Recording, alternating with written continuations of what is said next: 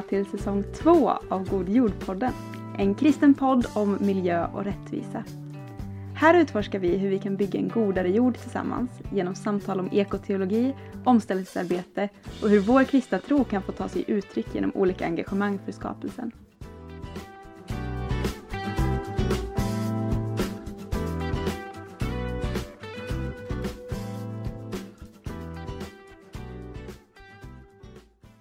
Kanske har du hört det surras om det här miljöeventet Stockholm plus 50 som ska ske i år.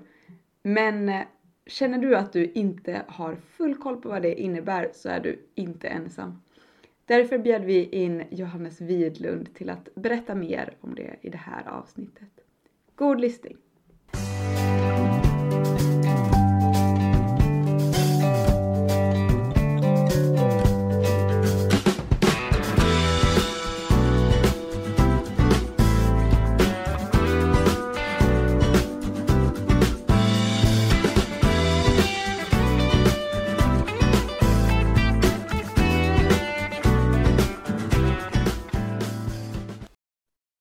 Ja, nu sitter jag här med Johannes på videolänk. Hallå!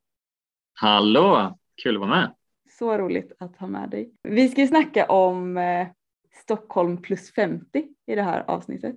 Mm -hmm. eh, och eh, det, vi pratade ju precis om det att det här är någonting som det finns väl de som kanske har full koll på det men många kanske bara har hört om det utan att riktigt veta vad som döljer sig bakom namnet. Och eh, för andra så kanske det är första gången som man hör om Stockholm plus 50. Och eh, jag tänker att vi ska förhoppningsvis reda ut lite för att du är ju en del av det här eventet genom PMU. Ja, en liten, en liten del av. en liten del av, av ett stort maskineri. Men kan vi inte vi börja i rätt ände och så presentera dig, även om du väl är ett väldigt bekant namn? Ja men exakt, jag var ju faktiskt, om man har lyssnat på tidiga avsnitt så var det ju faktiskt eh, mest jag som pratade i den här podden innan, innan eh, du eh, har axlat den här rollen. Nej men Johannes Widlund, så jag har varit med och, och grundat God Jord och har ju faktiskt precis, fortfarande färskt när det här släpps, avgått som, som ordförande efter fem fantastiska år. Men sen så jobbar jag numera på PMU som står för Pingstmissionens utvecklingssamarbete med Pingst biståndsorganisation, eller utvecklingssamarbetesorganisation. Och eh, det är väl mer i den rollen då som, jag kan, som man kan säga att jag intervjuas här idag. Mm. Jag bor annars i Örebro med min fru Frida som pluggar till, till pastor och eh, ja, har skrivit en bok om mm. sådana här ämnen också. God jord och ett hållbart liv brinner för sånt här och musik och fotboll. Det var ah, Kul, det var du i ett nötskal. Ja. ja. Kul. Men kan vi inte då gå över till Stockholm plus 50 och så kan du få berätta för mig och lyssnarna vad, vad det här evenemanget är rent praktiskt. Liksom. Vad, när hålls det? Var? Hur? Exakt. Det är ju, det är, den är ju en liten eh, lustig fågel eh, bland sådana här internationella eh, möten. För att jag tror att många av oss känner till de här COP-mötena. Det var ju bland annat på ett sådant COP, klimat-COP-möte som Parisavtalet klubbades igenom. Och, så och det har ju liksom det är ändå relativt många som känner att de har lite koll på det. Eh, det här är också ett officiellt FN-möte, men det är inte ett COP-möte. Eh, COP-möten är ju en gång per år och den här heter Stockholm plus 50 eh, för att det är 50 år sedan det var en miljökonferens, en FN-miljökonferens i Stockholm. Eh, så 1972 anordnades den första globala miljökonferensen egentligen som under FN-flagg. Mm. Eh, så det här är lite grann throwback till, till den konferensen och eh, man liksom tar upp det, det arvet och sådär. Eh, men, men, men inriktningen är lite annorlunda och sådär. Men, men bara lite praktiska grejer så får vi gå in på alla detaljer sen och försöka bena ut den här, den här konferensen. Men det, det kommer vara officiella konferensdagen är 2-3 juni Men sen är det, ja, jag tror i praktiken så får man se det som åtminstone en veckas arrangemang. Mm. För det är Sverige och Kenya som samarrar det här och eh, på söndagen i samma vecka, den 5 juni, så är det World Environment Day. Eh, mm. Och det hostar också eh, Sverige. Jag tror att det också hostas tillsammans med Kenya. Mm. Eh, så man kommer säkert bygga ihop det och sen helgen innan så kommer det vara People's Forum som är någon sorts lite mer öppen och eh, folklig säga, spegling av eller, eller eh, ja, sidokonferens eller vad man ska säga. Mm. Det, det, kommer liksom hända grejer i, i Stockholm en hela, hela veckan där, eller dryga veckan. Mm. Och jag tycker det redan nu har börjat släppas lite så panelsamtal och sånt. Typ. Ja, och, men det är faktiskt en bra poäng att, att en del av de sakerna som händer med Stockholm plus 50 är att det är väldigt mycket inför möten och, och så där. Så att man, man, kan säga så här att på COP-mötena då, då kan det ju liksom antas bindande resolutioner och det här ska alla länder följa. Så där. Det mandatet finns inte på den här Stockholm plus 50-konferensen. COP-möten är ju oftast drygt två veckor och det här är mm. två dagar. Mm. Eh, sen så är det ju massa förmöten och så, då. Men, men, men det som man hoppas kunna få ut av Stockholm plus 50, det är att man tar några av de här största, viktigaste frågorna, vissa av de här frågorna så att säga, och så ska man försöka komma fram till konkreta förslag och, och rekommendationer och liksom officiella skrivningar som förhoppningsvis då när det är COP-möte i november, det kommer vara i Egypten, då kanske man kan ta vissa av de här formuleringarna rakt av. Här är liksom redan något förberett på en officiell FN-konferens, kan vi liksom officiellt liksom anta det här. Och man kan ju också, det kan också eh, bli så att det, att det kommer fram liksom mer informella överenskommelser. Vi, vi lovar att göra det här och så där. Det finns ju alltid olika nivåer av hur, hur bindande och eh, allvarliga saker det är. Mm. Eh, men, men då inför nu, i och med att konferensen bara är två dagar, så, så sker det en väldig massa förarbete.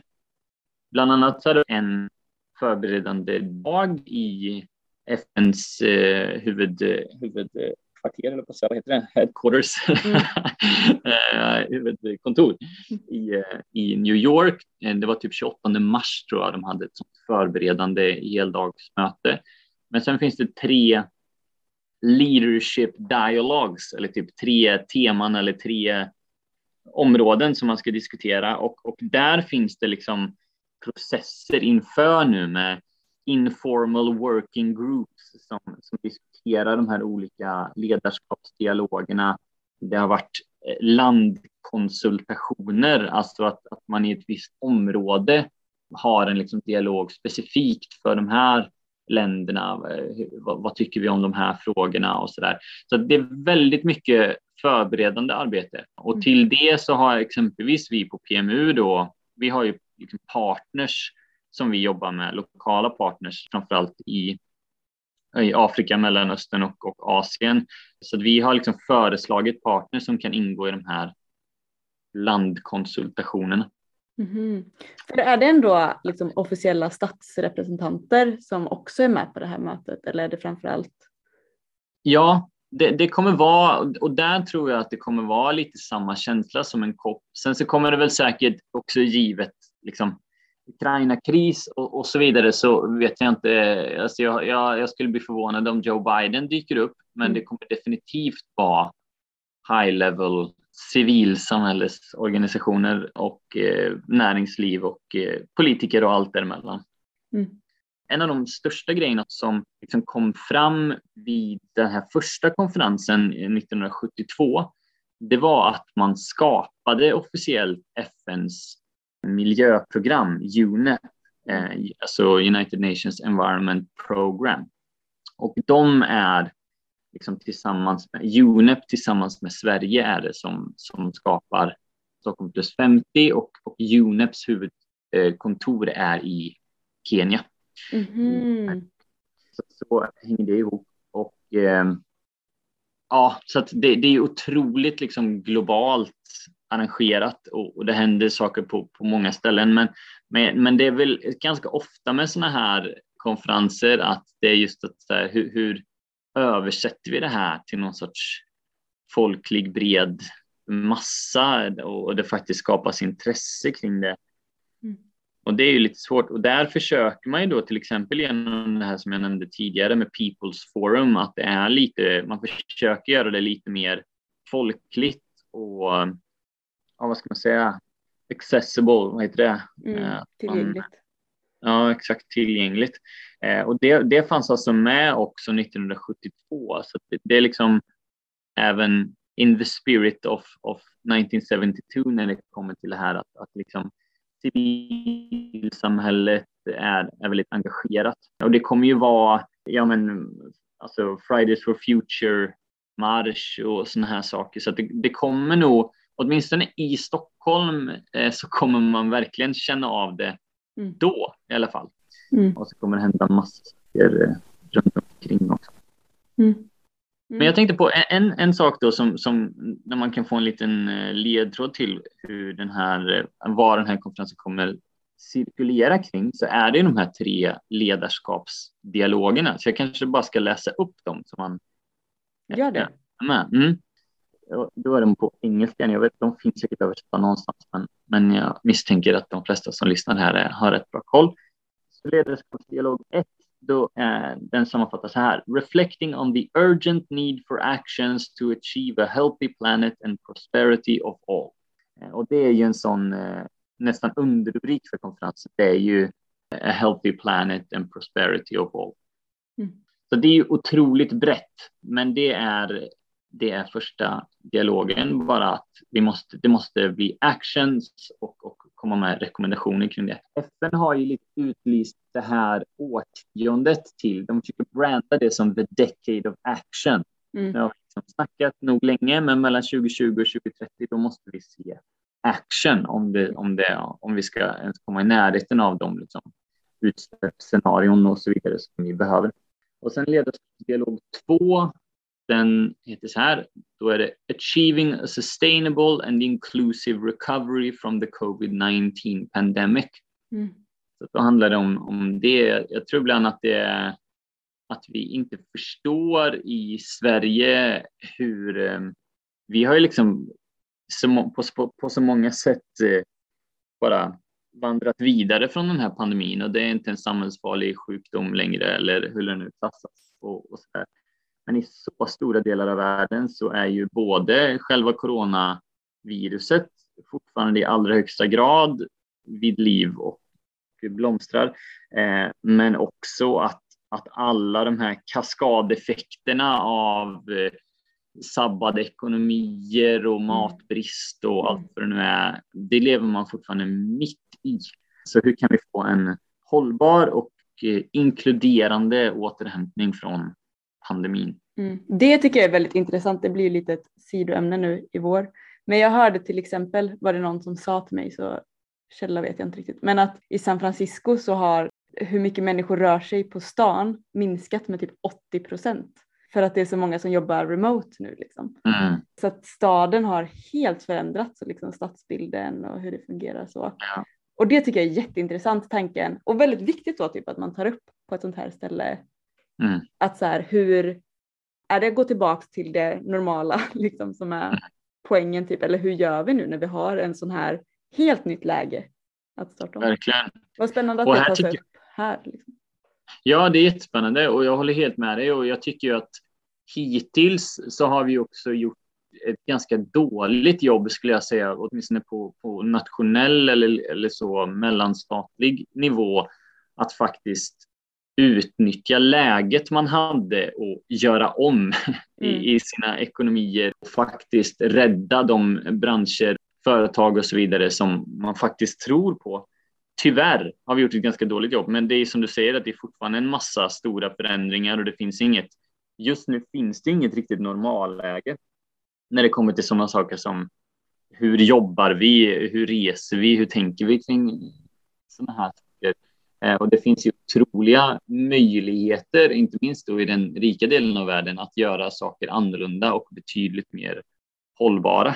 men också den här vikten av att vi inte bara får eh, köra navelskådning här nu i, i den rika delen av världen och tänka gud vad härligt, nu är vi tillbaka, nu ska vi göra allt det där roliga och satsa på det där som vi inte kunde göra under pandemin, utan det, det är ju en, ett otroligt eh, läge i världen. Det, är ju liksom hundratals miljoner människor som har fått det sämre ställt under de senaste åren. Det var ju liksom vissa negativa trender kring exempelvis hunger redan innan pandemin.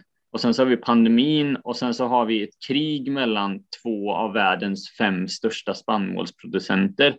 Alltså det finns vissa afrikanska länder som liksom köper in 60-70 procent av sitt vete från Ukraina och Ryssland. Så att, alltså det. Ja. Mm. ja, spännande att det ska diskuteras här då också. Ja. Och sen är det sista ledarskapsdialogen då och det är accelerating the implementation of the environmental dimension of sustainable development in the context of the decade of action.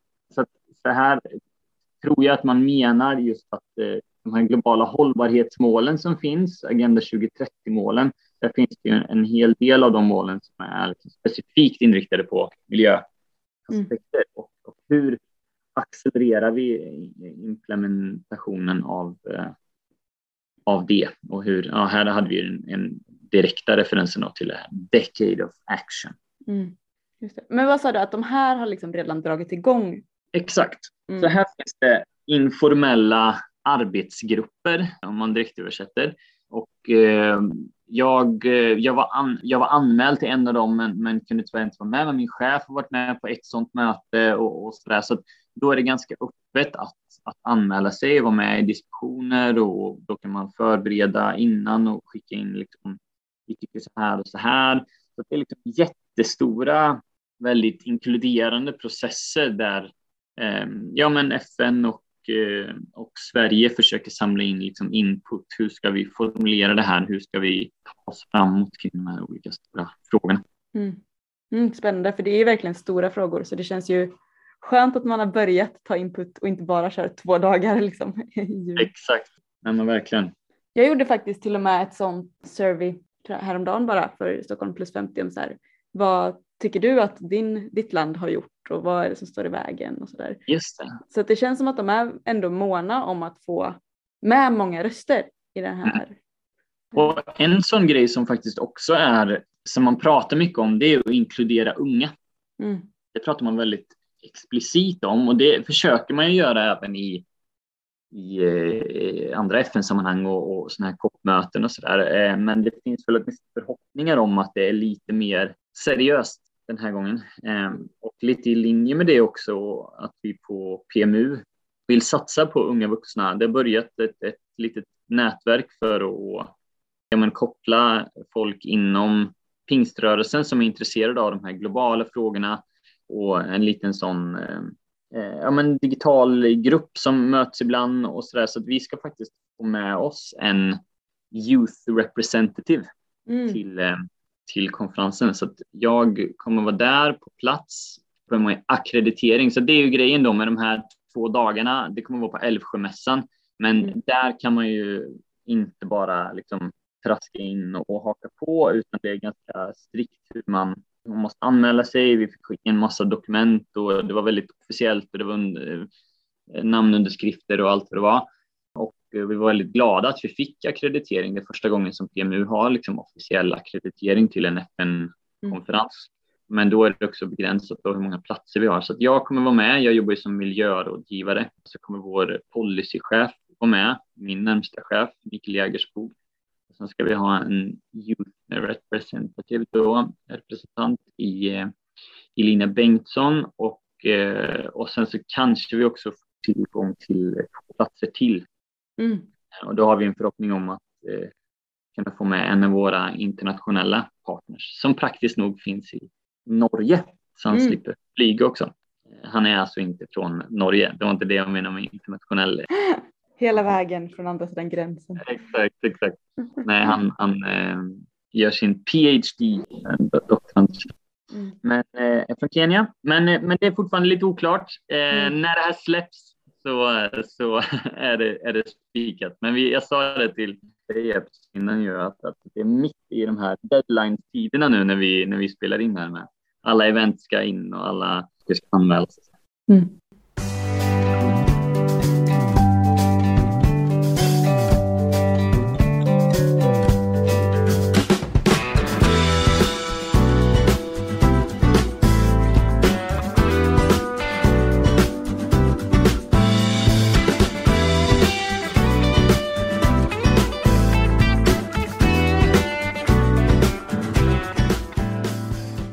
Vad är det då ni från PMU liksom har som målsättning kring den här ert deltagande och konferensen? Kommer ni göra något event eller är det mest att vara med som en röst och företräda liksom era frågor kring bistånd och globalt utvecklingsarbete?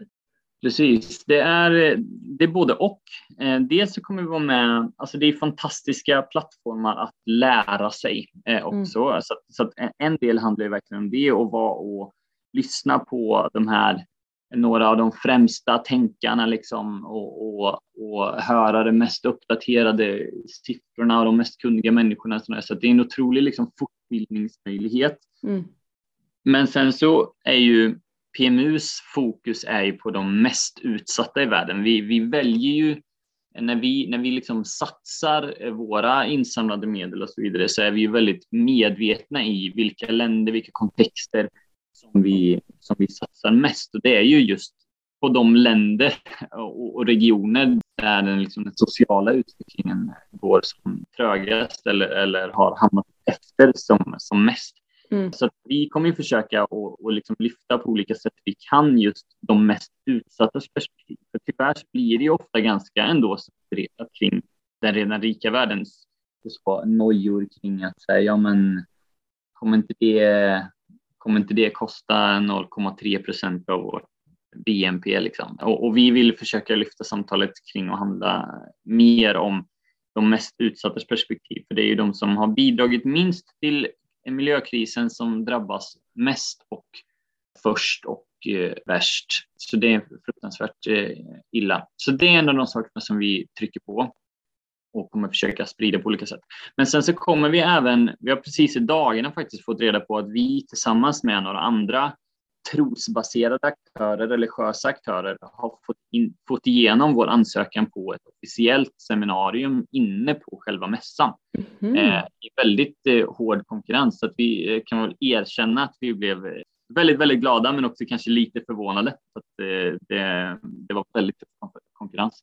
Så då kommer vi också att ha ett seminarium som i stort pratar om just vikten av att inkludera trosbaserade aktörer och, och, och trycka på liksom de unika bidrag som eh, kyrkan och som andra religiösa aktörer kan bidra med till hållbar utveckling. Och att det finns en så tydlig liksom andlig och existentiell dimension av den här krisen, men också bara de här konkreta möjligheterna som finns inom religiösa samfund och så, både eh, bara rena liksom, eh, reda pengar faktiskt och lokaler och, och, och att man är markägare, liksom, även, även sådana grejer, men också det här folkrörelsetanken, eh, att man kan påverka så många att göra liksom, mindre förändringar och så.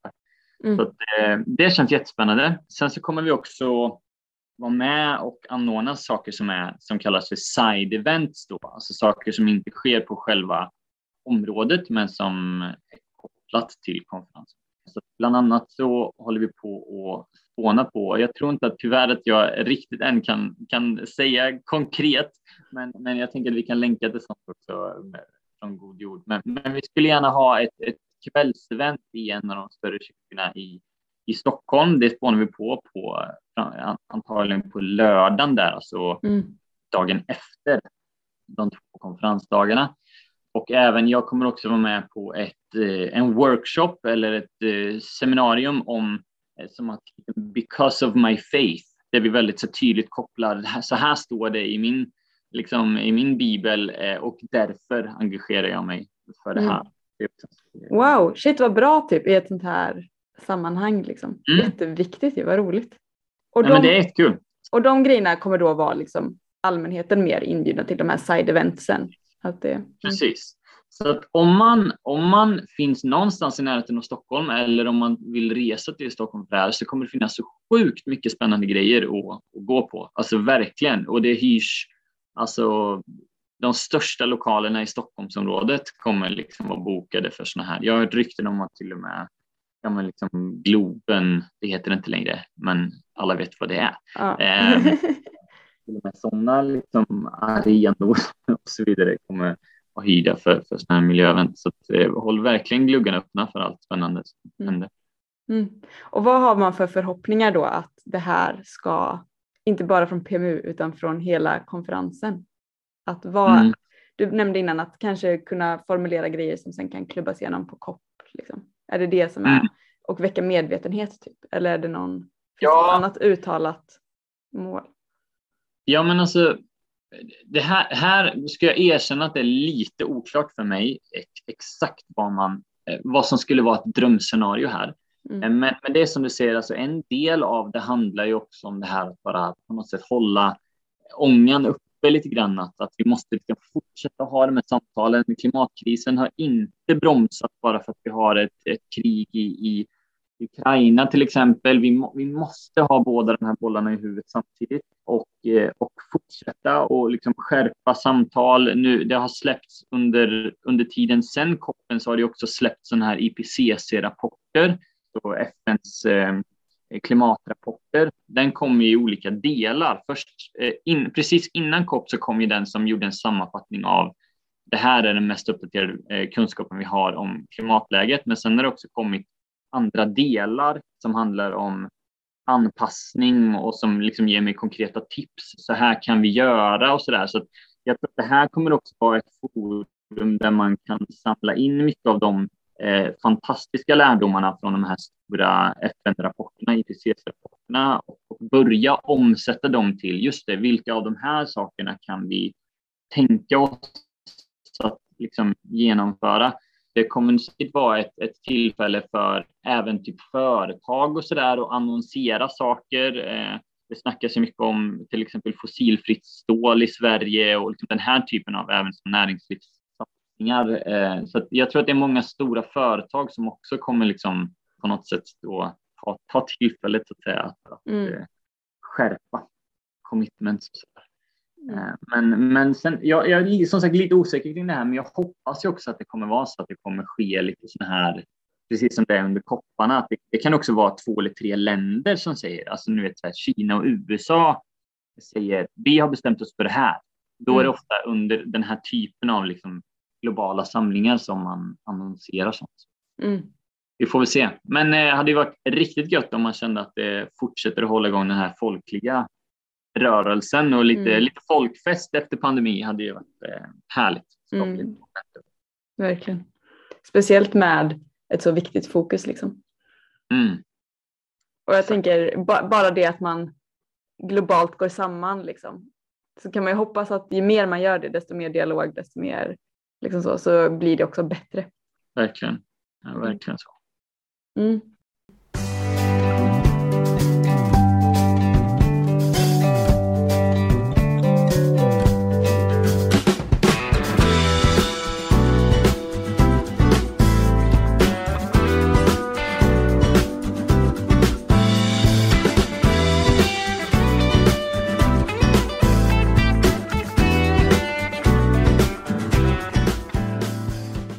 Är det något mer du vill lyfta kring det här?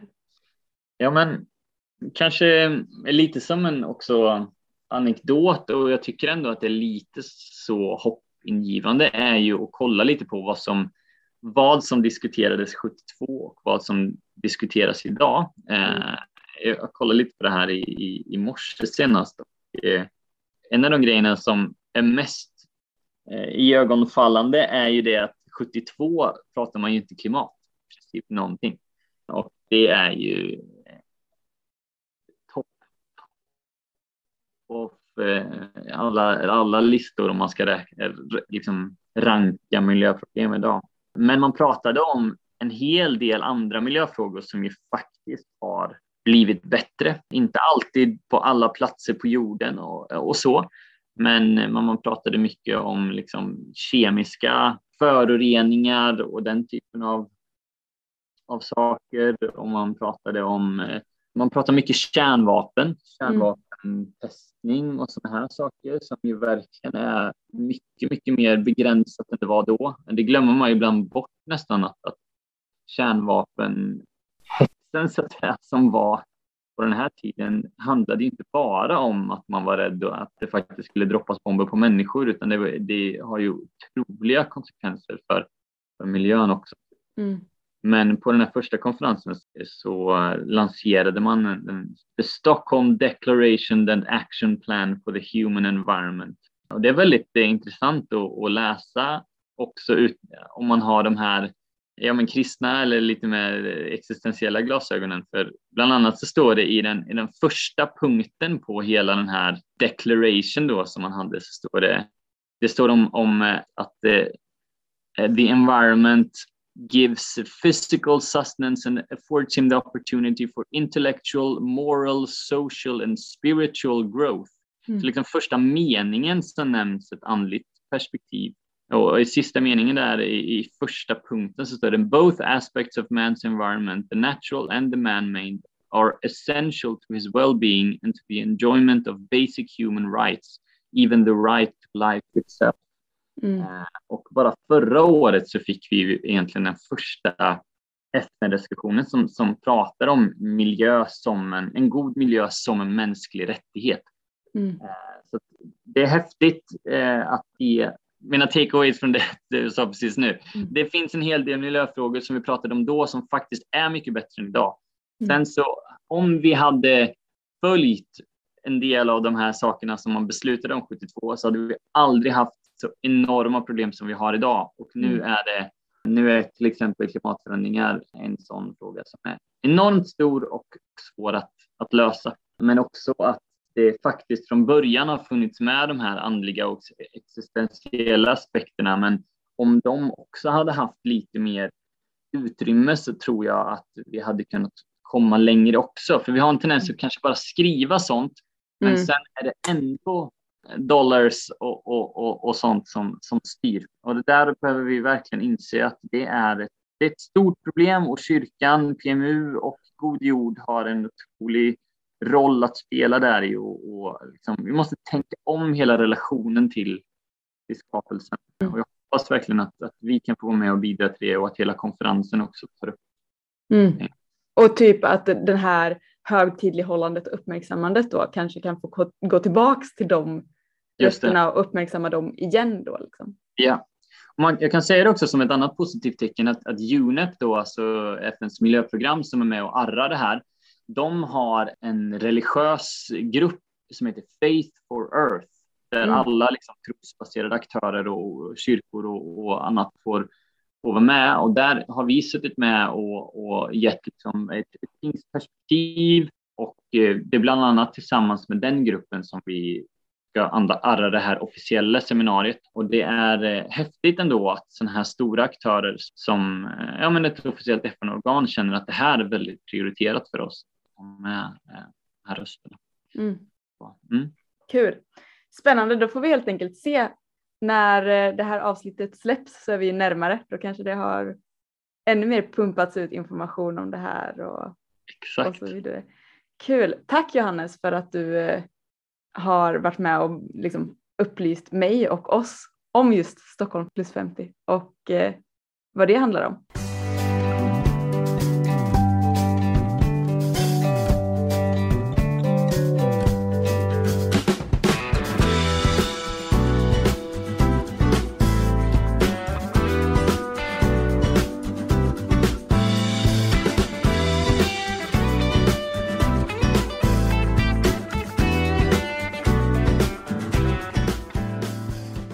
När det här närmar sig, eller när det här släpps så närmar det sig dock semester så jag tänkte att vi avslutar med en så lite personlig fråga och lämnar på den noten.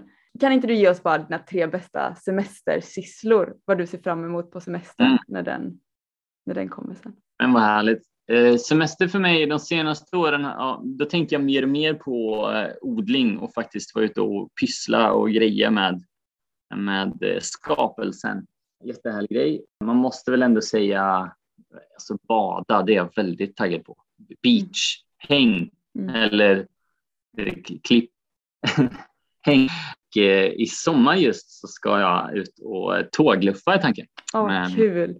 Vi är ett sånt här pandemic couple så det blir liksom vår, vår honeymoon här som inte riktigt kunde bli av på riktigt. Klimatsmart och eh, underbart sätt att, att resa på. Kul! Det låter toppen. Då har vi mycket kul att se fram emot, både klimatmöten och härlig semester med klimatsmart, klimatsmarta sysslor. Tack Johannes för att du var med i podden. Tack, tack. Hallå. Hej då. Och tack till er som har lyssnat.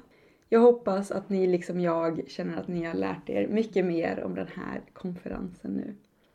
Och att ni också ser fram emot eh, en sommar fylld av härliga aktiviteter och ledighet.